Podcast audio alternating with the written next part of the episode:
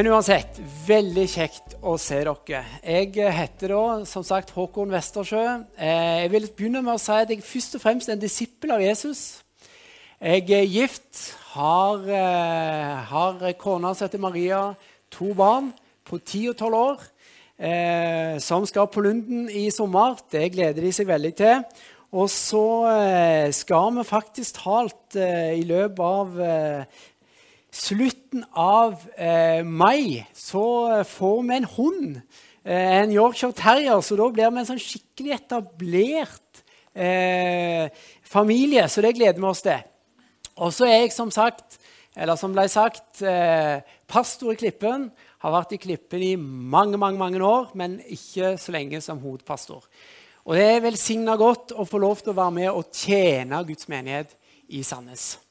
Det er det virkelig. Det er veldig spennende for meg, som kom fra Sandnes, eh, som, som eh, regnes som Nord-Jæren, å kjøre sørover. For det vi ser, det er at eh, bøndene har gjort egrene sine klar til vekst. De holder på å eh, lage til og, og, og gjøre det som skal gjøres for at det skal bli vekst. Og Min bønn er at vi som troende, men òg vi som kirker, skal gjøre oss klar for at snart skal samfunnet åpnes opp igjen. Snart så skal det være eh, ingen avstand mellom oss. Og snart så, så er smittevern et fremmedord, får vi håpe. Og I den forbindelse så tenkte jeg at eh, Og siden Magnus ga meg frie tøyler til å snakke om hva jeg hadde på hjertet, så tenkte jeg da skal jeg gi det som ligger øverst på hjertet mitt. Og det ser du på skjermen her. Det er å være i sammen. Det som i årtusener eh, har som menighet vært en selvfølge, det å samles det har på en måte vært mye av hvem vi er. Hva vi gjør. Jo, vi samles. Det har vi plutselig ikke kunnet ta som en selvfølge lenger. Eh, jeg vet ikke hvordan denne utfordringen, utfordringen har vært her, men jeg vet at i Sandnes så er det flere som i denne pandemien har kjent på isolasjon og ensomhet. For det er noe å se ut av vinduet alene og se at det er mange folk som går rundt. Men det skaper eh, ingen tilhørighet. Eller at du går i butikken alene eh, og ser at det er mennesker rundt. Det skaper bare enda mer ensomhet. Sannheten er at vi trenger å være i sammen. Vi trenger å ha noen å dele liv med, sannheten om vår liv med, å være i sammen. Det var en som sa til meg det at eh, å gå på eh, møter, det er enkelt. Det er bare å gå på YouTube. Du kan eh, finne møter overalt. Men fellesskap, det å være sammen, det er noe helt, helt annet. Så Derfor så tenkte jeg at jeg, sånn som jeg ser det, vil på en måte snakke om det som jeg ser på som det viktigste av det viktige når vi nå skal starte opp, nemlig det som handler om nærhet og det å være sammen. Og Vi skal eh, finne fram til apostlenes gjerninger, som også kommer på skjermen her nå, eh, og lese om de første kristne. For de hadde virkelig tatt dette. Og Der står det ifra, i, i Apostlenes gjerninger 2, fra vers 42. Der står det de holdt seg trofast til apostlenes lære og fellesskapet, til brødsbrytelsen og bønnene. Hver og en ble grepet av ærefrykt, og mange under og tegn ble gjort av apostlene. Alle de troende holdt sammen og hadde alt felles. De solgte eiendommene sine og det de ellers eide, og delte ut til alle etter som hver enkelt trengte det. Hver dag holdt de trofast sammen på tempelplassen, og i hjemmet brøt de brød og spiste sammen med oppriktig og hjertelig glede.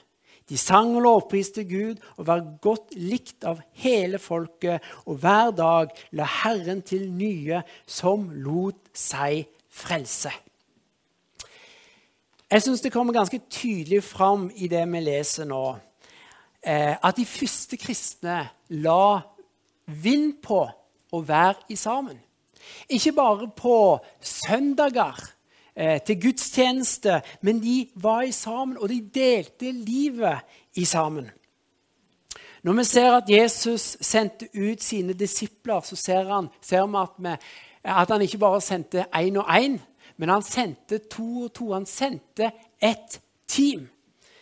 Og I Forkynnernes bok kan vi lese at styrken er å vær to. Og når vi nå skal restarte samfunnet vårt, og vi skal òg restarte menighetsarbeidet, så er, så er, det viktig å forstå at det å være i sammen er viktig. Det er viktig for oss her som menighet, men jeg tror òg, sånn som det ble sagt tidligere, vi må nå ut til verden. Og jeg tror at det å komme inn til et hjem som Betel, der vi er forskjellige, der vi har forskjellige tjenester, men der vi er i sammen, er noe som folk syns er attraktivt. Paulus han oppfordrer oss, eh, som vi ser på skjermen her, i Galaterne 6,2. Han sier, 'Bær byrdene for hverandre, og oppfyll på den måten Kristi lov.'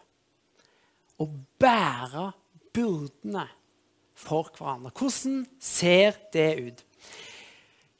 Ei gammel dame eh, fortalte meg for mange mange år siden, fra starten av klippen, eller begynnelsen på klippen, hvordan det da var. Og da sa hun Håkon, på den tida så levde vi i seier. Og eh, hvis vi var ute i byen og traff på en broder og en søster, så var det ikke så viktig om det var lang avstand mellom oss, men vi ropte til hverandre 'Er det seier, broder?' eller 'Er det seier, søster?' Og da skulle vedkommende si 'Ja, det er seier'. Og, men hvis det ikke var seier, da ble det bønnemøte på gata til det blei seier. Og det er flott. Og det kan vi si det er liksom sjelesorg anno 1932. Det å eh, proklamere seier til hverandre. For det er jo sant. Det er seier. Nå er det sånn at eh, Som pastor så får jeg ofte folk eh, på kontoret eller i samtaler eh, der folk kommer med sine byrder til meg. Og selvfølgelig ønsker jeg å be for dem. Selvfølgelig ønsker jeg å velsigne deg, og selvfølgelig har jeg tro på at Gud kan bety en forskjell i det vi ber for. Men jeg tror at eh, det å bare be, det er en tynn fortolkning av hva det vil si å bære hverandres byrder. Jeg, jeg tror på det å gå i sammen, fellesskapet, der vi kan ha rom til hverandre, der vi er ærlige på livet og livets ups and downs, og at det er nøkkelen til å bære hverandre. Byrder av tvilstanker, bekymringer, sunn avhengighet eller utfordrende sesonger. Og dette er noe som vi i større eller mindre grad går gjennom alle i sammen. Da trenger vi mer enn en proklamasjon. Da trenger vi å være ærlige. Vi trenger å dele sannheten om livet, være sårbare overfor hverandre. Og Derfor så tenker jeg at i dag så har jeg lyst til å gi dere tre sannheter om sannhet som jeg håper kan være med og velsigne deg og som du kan, hvis ikke du allerede har eh, gjort det, at du tar det med i din relasjon og i din nære relasjon. Og Den første sannheten som kommer opp her nå, det er at du trenger ikke, eller du bør ikke, fortelle dine dypeste sannheter om deg sjøl til alle. Av og til så kan du få en sånn enten-eller-følelse når du snakker om dette temaet. Enten så er du ei åpen bok som sier alt til alle, eller så er du en person som ikke sier noe til noen. Noen sier at dette går på personlighet, og det sier at det kan kanskje gå på kultur. Han er bare veldig lukka, eller hun er bare helt åpent. Eller eh, jeg vet ikke jeg, men kanskje at her på Jæren så holder vi munnen. Eh, vi sier ikke så mye til noen, eller hvordan det egentlig er. Og kanskje er det nettopp sånn, men jeg tenker at det er viktig at det ikke er enten-eller. For noen så handler det om å beskytte seg sjøl. Ikke alle trenger å vite alt om deg. Men for andre, og kanskje spesielt oss menn, så handler det om å finne noen som det er naturlig å være åpen og ærlige med. En som kan hjelpe oss til å holde fokus, en som er glad i oss, en som kan strekke oss, og som kan hjelpe oss til å vokse. Som ny ungdomspastor så sa min pastor da, som var Fred Hårberg, til meg Eller det vil si, han sa ikke, han oppfordra meg, og han beordra meg. Håkon, skal du være leder, så er du nødt for å ha en person som, du, som holder deg ansvarlig. Du er nødt for å ha en sjelesorger og en ansvarliggjører. Som skal holde deg ansvarlig i forhold til det livet som du lever. Jeg fant en sånn person utenfra eh, eh, menigheten, og jeg er så glad for at jeg da allerede innleda en relasjon med en annen mann som holdt meg ansvarlig, som strakk meg, og som var en sjelesørger. Til min store overraskelse så så jeg at han som visste alle mine byrder, han som visste mine kamper, han som visste mine fristelser, han som visste om mine, mitt fall og mine fall. Han ga meg nåde.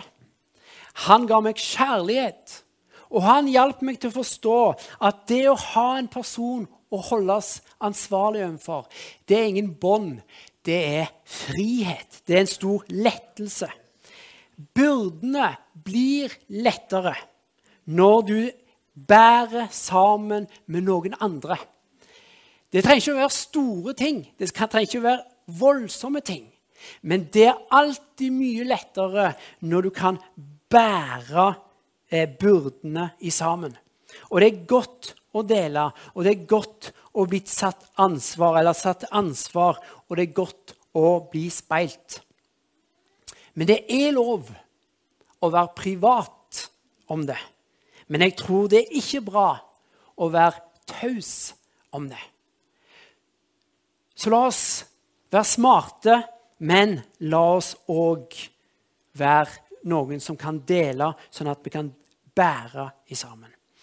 Det andre, andre sannheten om sannhet er at sannhet setter fri. I Johannes 8 så sier Jesus sannheten skal sette dere fri. Og i Jakobs brev så sier Jakob bekjenn syndene for hverandre og be for hverandre, så skal dere bli helbreda.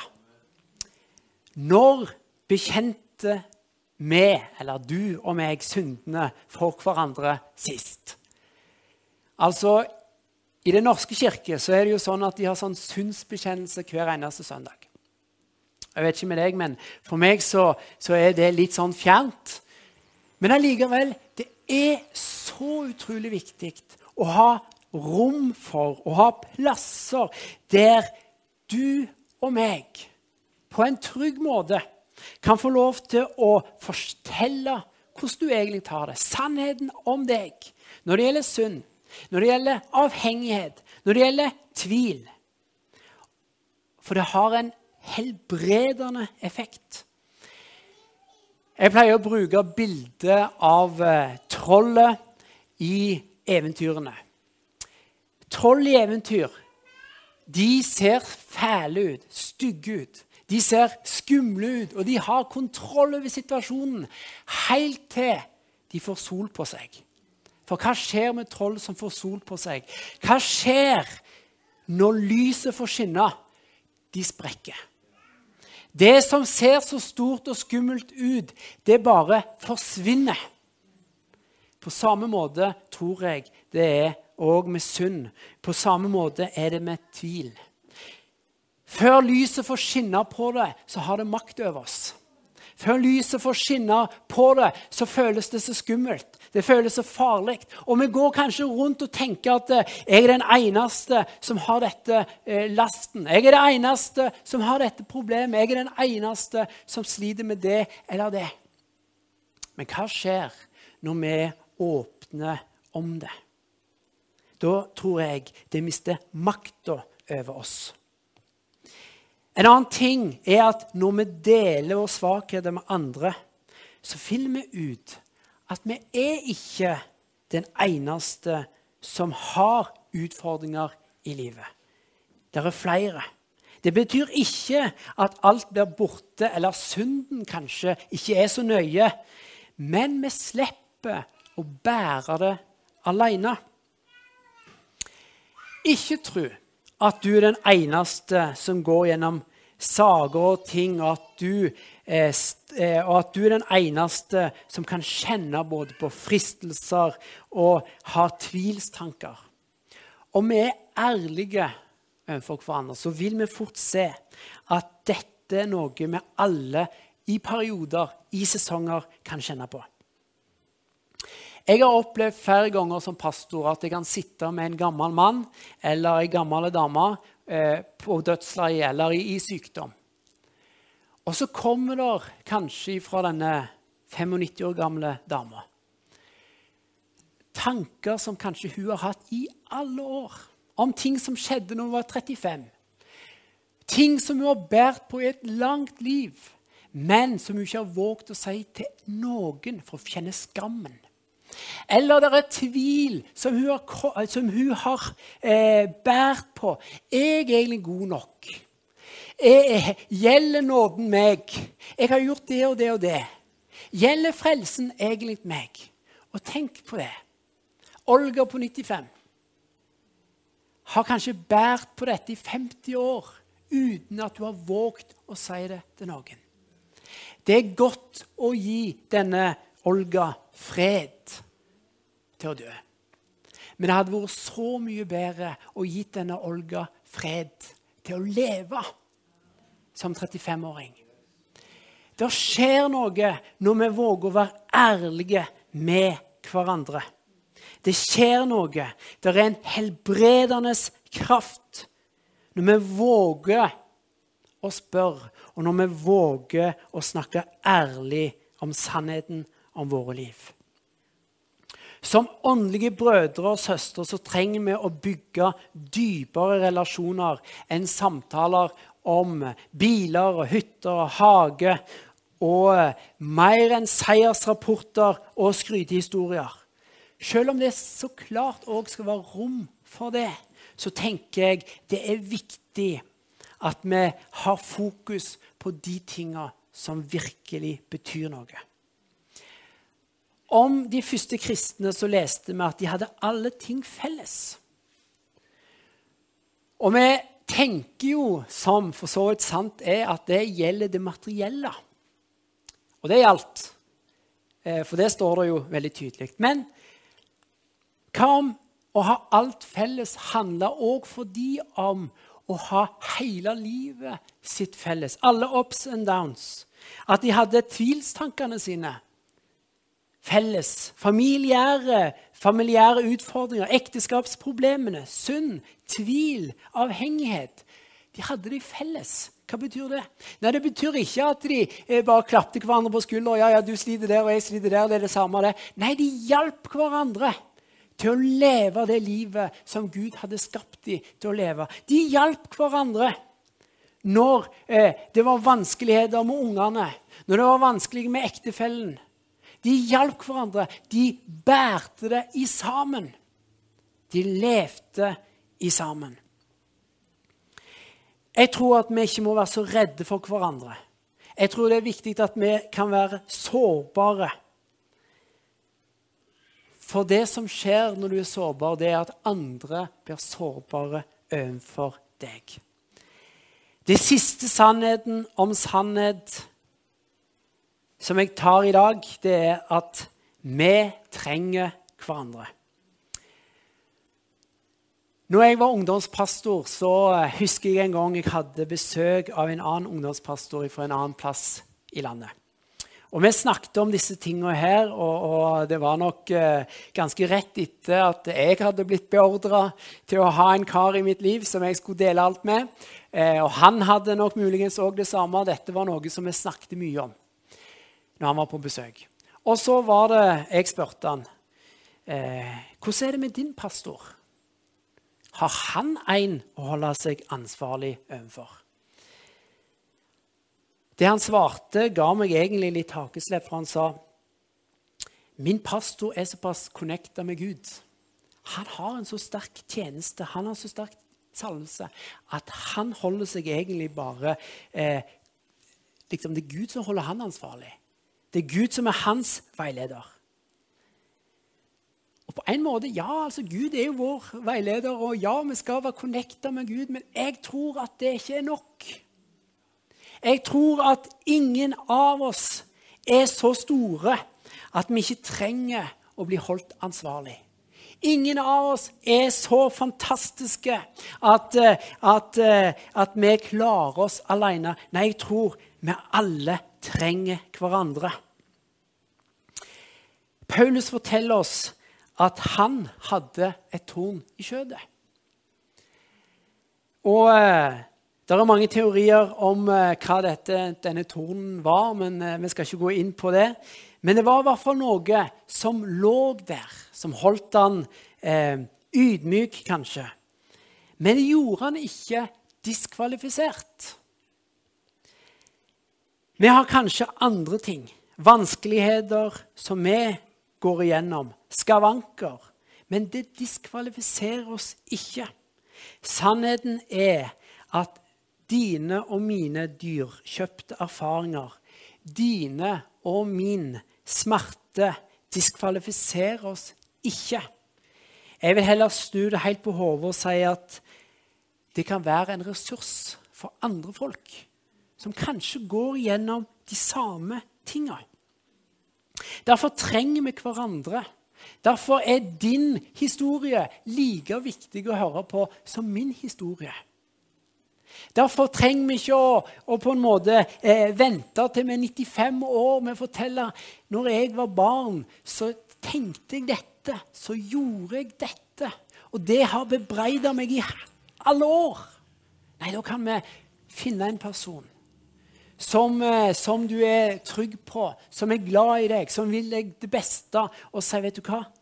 I mitt liv så foregår dette akkurat nå.' I vårt liv så har vi dette som vi sliter med akkurat nå. Og så kan vi kjenne at det å stå i sammen, det er ingen svakhet. Det er en stor, stor styrke. For vi er sterke i sammen, og vi trenger hverandre. Jeg trenger deg, du trenger meg. Og jeg tenker Det er ingenting som er bedre enn å komme inn i en forsamling, inn i ei kirke av mennesker som er glad i hverandre, som er som en familie, som bærer hverandre. Da tror jeg alle som kommer inn, tenker her ser det bra ut. Dette vil jeg være en del av. For de kjenner at de lever vanlige liv, akkurat som meg. Og de har noe som jeg trenger. Til slutt, la oss slå opp i 1. Johannes og lese fra 1. Johannes 4, eh, vers 7. Han blir jo kalt for kjærlighetens apostel.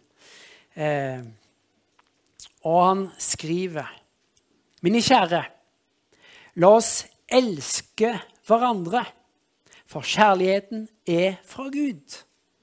Og hver den som elsker, er født av Gud og kjenner Gud. Det som ikke elsker, har aldri kjent Gud, for Gud er kjærlighet.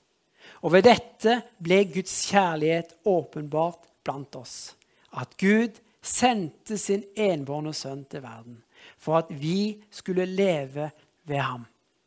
Ja, dette er kjærligheten. Ikke at vi har elsket Gud, men at han har elsket oss og sendt sin sønn til soning for våre synder. Mine kjære, har Gud elsket oss slik, da skylder også vi å elske hverandre. Det er en viktig connection med å være elska av Gud. Du er elska av Gud. Den du er, med dine feil og dine mangler, med mine feil og mine mangler. Vi er elska av Gud. Og så skal vi elske hverandre på grunn av det. På samme måte som vi har fått opplevd nåde i våre liv, så kan vi få lov til å gi ut nåde til de folka som er rundt oss. Skal vi be til slutt.